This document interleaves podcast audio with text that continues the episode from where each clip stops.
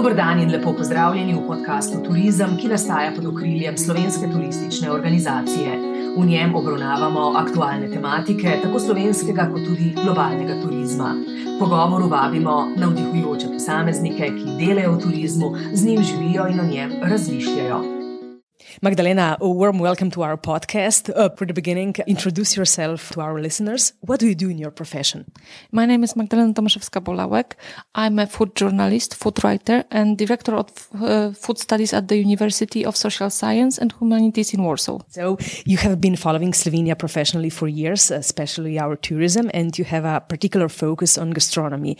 Why are we interesting you as a small country? You are a small country, but a very complex one. First of all, when it comes to the tourism, you have everything. Seaside, you have a beautiful cities, monuments, and you have also mountains. So when you are a tourist looking for the complex country, Slovenia is perfect. And it's small, so you can commute, so you can move around the country very easily. And it's nice when it comes to the food. You have a very rich food history and full of uh, nice tastes, uh, local products. So when you are the food tourism, also the, the Slovenia is a perfect place for you. What does food um, say about us as a country? What particularly excites you about Slovenia? I love that this multicultural complexity because Slovenia had a different parts of the history from the Roman times till nowadays. There's a Slavic touch in your uh, cuisine. There's some impact of Hungarian one, Austrian. So it's interesting how people take the food, take the, take the product and change it through the culture you're teaching uh, your students also about food gastronomy. Why is food so important if you're talking about foreign diplomacy? I read the article, an interview with the Paul Rockower. She's, he is a specialist when it comes to gastrotourism. In this interview, he noticed that you don't win people's heart with history or economics. You need something what is more appealing for the people. It's like cuisine, music, art, cinema, that's why the, the food culture is so important because sometimes you never had opportunity to visit the country or to the see the art from the country. But it's very possible that you will have opportunity to try the food because foreign restaurants are around many countries. So it's very often starts from the food. And it's the first thing which makes you nearer to other country. And the other thing is that when we are sitting near the table, we are sitting at the table, there are no barriers. There are such a barriers. Food makes people bring together. We are talking about food diplomacy. Probably you know Janez Bogataj, our famous writer about food. of course, who does not know Mr. Janez Bogataj? we had the opportunity to meet in Beijing. I think that you should be very lucky that you have him because he's a very great ethnologist and has an extremely deep knowledge about the food history and food culture. You met with Janez uh, in China and Janez insists that you speak uh, not in English but in Slavic language. yes. I think that Slavic people has this kind of connection that we catch this thing. I don't know how to express it in English. We, we have it like, like, me, you and me. We just met and you feel the chemistry. We have the same energy. Yes. so I think it's the same. We are in France, in its north, in the region that is the European uh, gastronomy region this year. Uh, so Slovenia held this title in 2019. How do you think we earned it, in your opinion, based on your visit to Slovenia? European region of gastronomy, it's a title given for a year. But for many regions, it's just a start. You just build the program. You just uh, think about what you should promote from your culture and it's just the beginning. And I think it helps because it's not only the information for the tourist, but also the, it uh, starts the networking between the producer, restaurateurs, chefs, uh, and other people who are interested in gastronomy in general. So for me, the European region of gastronomy, it's a platform, exchange of knowledge not only something which brings tourists to your country. What particularly excites you about Slovenia? Oh, I'm a big fan of potica. I love it and I make it at home quite often. Uh, of course, I have Janez Bogataj's book about potica and history of potica and with many recipes. With this one with estragon is my favorite. Uh, I even had the opportunity to present it to Polish readers because first of all, I recorded also a short podcast about Slovenian uh, cuisine for, for Polish listeners. And I also wrote an article uh, for one of the newspapers about the Slovenian cuisine. So I love potica. I love the cuisine in general because it's complex. Like I said, it's complex. You have many impacts in your cuisine. You have a very good sausages, of course. Strukli. I love strukli. Good wines. There are many things which are very interesting. Blejska kremšnita, for example? Yes. Gibanica. Mm-hmm. Also, so there are many things. Uh, I think that everyone, both meat eaters, fish lovers, because you also have uh, access to the Mediterranean Sea. This is interesting that in such a small country, you have many different kind of cuisine. For me, it is very interesting. Yesterday you said uh, you visit Klobasarna in the center of Ljubljana. You taste chocolate with ham from Prekmurje region. It's amazing. Yeah, I love discovering new tastes. So everywhere I go, I try to visit, visit as much many places as possible. And it's not only about, for example, haute cuisine, because there are some groups of tourists which loves only haute cuisine. For me, if you want to get to know the country, from from the real bottom you have to go to the supermarket to the halls uh, shopping mall. You have to visit uh, street food places and haute cuisine. After so many experience you can really feel what is the heart of the what is the culinary heart of the country yesterday um, told me you're not uh, such a big fan of restaurant with Michelin stars. How come? Uh, it's a very difficult subject. I have a very big appreciation when it comes to haute cuisine because this is the kind of uh, cooking which allows people to develop new ideas, new techniques, new creations, new plating, everything. So it's very very important to have such a restaurants. But for me, when maybe it's not about the Michelin star restaurants, but haute cuisine, which does not focus on the product, which, for example, for me, good product, it's worth going.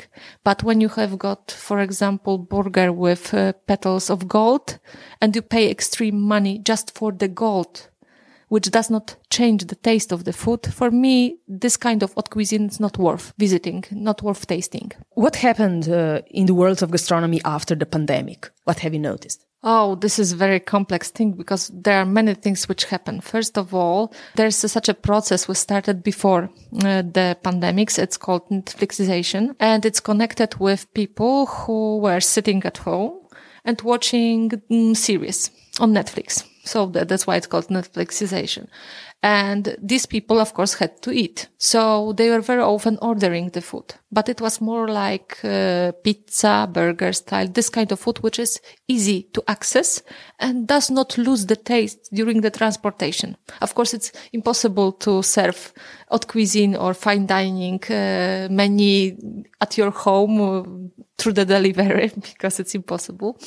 But many people just skip going to the restaurants because they wanted to see the, the series. So after the pandemics, many people resign from going to restaurants, not because they were, they couldn't afford it, but because they stop feeling the need. And going to the restaurant, it's not only about the food, it's about experience.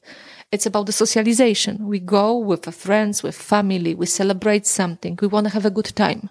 When you are eating at home alone, it's not the same. It's not the same. Mm, you also regularly observe the work and communication of the Slovenian Tourism Board. How do you rate the work of our national tourism organization? I like it very much uh, because you have an idea how to present your country. Everything is very appealing to the eye when it comes to the visualization. The information are complex, not too long, because nowadays it's difficult to keep the attention of the reader. So it's complex. It touches many subjects from the sport, tourist to food tourism. And it's very clear. And I like it very much. You were impressed about the news, about the e variety of events in Slovenia. Yeah. Yes, I like it very much because you get the information and they are complex and you easily get this thing which you want. Do you think it's unique? We also cooperate uh, very well with the ministry, with the government, as far as tourism is uh, concerned. We speak the same language when adopting a tourism strategy, for example. Do you think this is unique for them in Europe? Slovenia is a very young country, but you started uh, culinary diplomacy and food tourism very early, at the very stage of formation of your country. So there are many countries which are not so aware about force of the cuisine because the food culture is really a very good tool, which it's a soft power tool which you can use to promote your country, which you can use to build your national brand because the food tourism, the tourism in general has a great impact when it comes to building the national brand. It makes your country worth more I think that uh, you are doing very well when you compare it on the European stage. You should continue this way. Um, do you think it was a brave decision that we publicly said that we don't want mass tourism? Yes, it's a very brave decision because still in many countries the number counts. Every tourist organization are happy when you have this year we have a million of tourists. Next year let's have two millions. But as we know, the tourism has not only bright sides but also dark sides. And when you look at the tourism from the aspects of people living in the country, when you have more tourists, it's much more difficult to rent a house or flat. It's much more difficult to go to the restaurant during the weekend. Local people also want to eat, also want to celebrate. The quality of local quality life of, goes down. But also the quality of uh, tourists' life is different. When you just packed like sardines, it's difficult to appreciate the beauty of the nature, the, the monuments, the art. When you resign from mass tourists, you attract people who are really interested into discovering the place. They are willing to go. They also appreciate. They are more, I think, open also and they understand that also people who are living in the country need their space. Where do you see opportunities for improvements in Slovenian tourism? Mm, I think that the, in general in tourism, the, the main subject nowadays and in the future will be cross generation tourism because the society is aging and we don't use this power of uh, seniors. Not, we don't use it well yet. What do you think about our uh, green orientation of our tourism, about concern for sustainability? For me it's great because i'm also a person who really cares about the environment. I don't like wasting food. So uh, whenever i travel i am looking for the places and hotels and uh, general idea of tourism which is close to my heart. So when you are eco-friendly when you care about your environment when you care about the animals uh, people who are working in the agriculture industry. For me, it's great because there are more aware people who really care. If they want to spend the money, they want to spend money in the places which are close to their hearts. What does our food say about us as Slovenians? What, uh, what does potica, kranjska klobasa, štrukli, blejska kremšnita tell about us? About us as Slovenians? I think that the first and the main word for me is hospitality because it's like you care. It's like family. You, you feel like being cared. But it also speaks about our emotions. It speaks uh, of the stubbornness uh, of a small nation, which is a miracle that it survived. Yes, but for me, it's like warm heart, hospitality, and of course, caring, caring because you care about the product, you care about each other, and uh, you care about the emotions of the tourists who will taste the food. So, how much food has changed you as a person? I think that food brings emotion. We are eating when we are happy and we are eating and when we are sad. We celebrate with the food. So if you like a good food, I think you care more because you, you think about what you eat and how you eat. And you also think about your environment. You think about the people who work. For me also, I pay a lot of attention to the people who prepare and who make the food because uh, I think in many countries the farmer position are very low. And people think it's a stupid work uh, and if you don't have any other opportunities in your life you can end up as a farmer. And it's not true because without farmers there won't be food and everyone has to eat. So for me the people uh, when you when you think about the food in different contexts because it's not only nutrition it's only emo- it's emotions.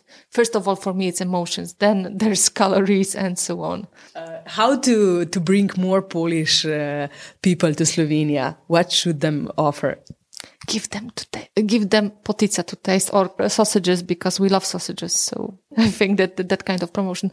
No, uh, first of all, I think that many people are going to Croatia through Slovenia by car. If there will be more promotion in Poland, it may be beneficial for for you.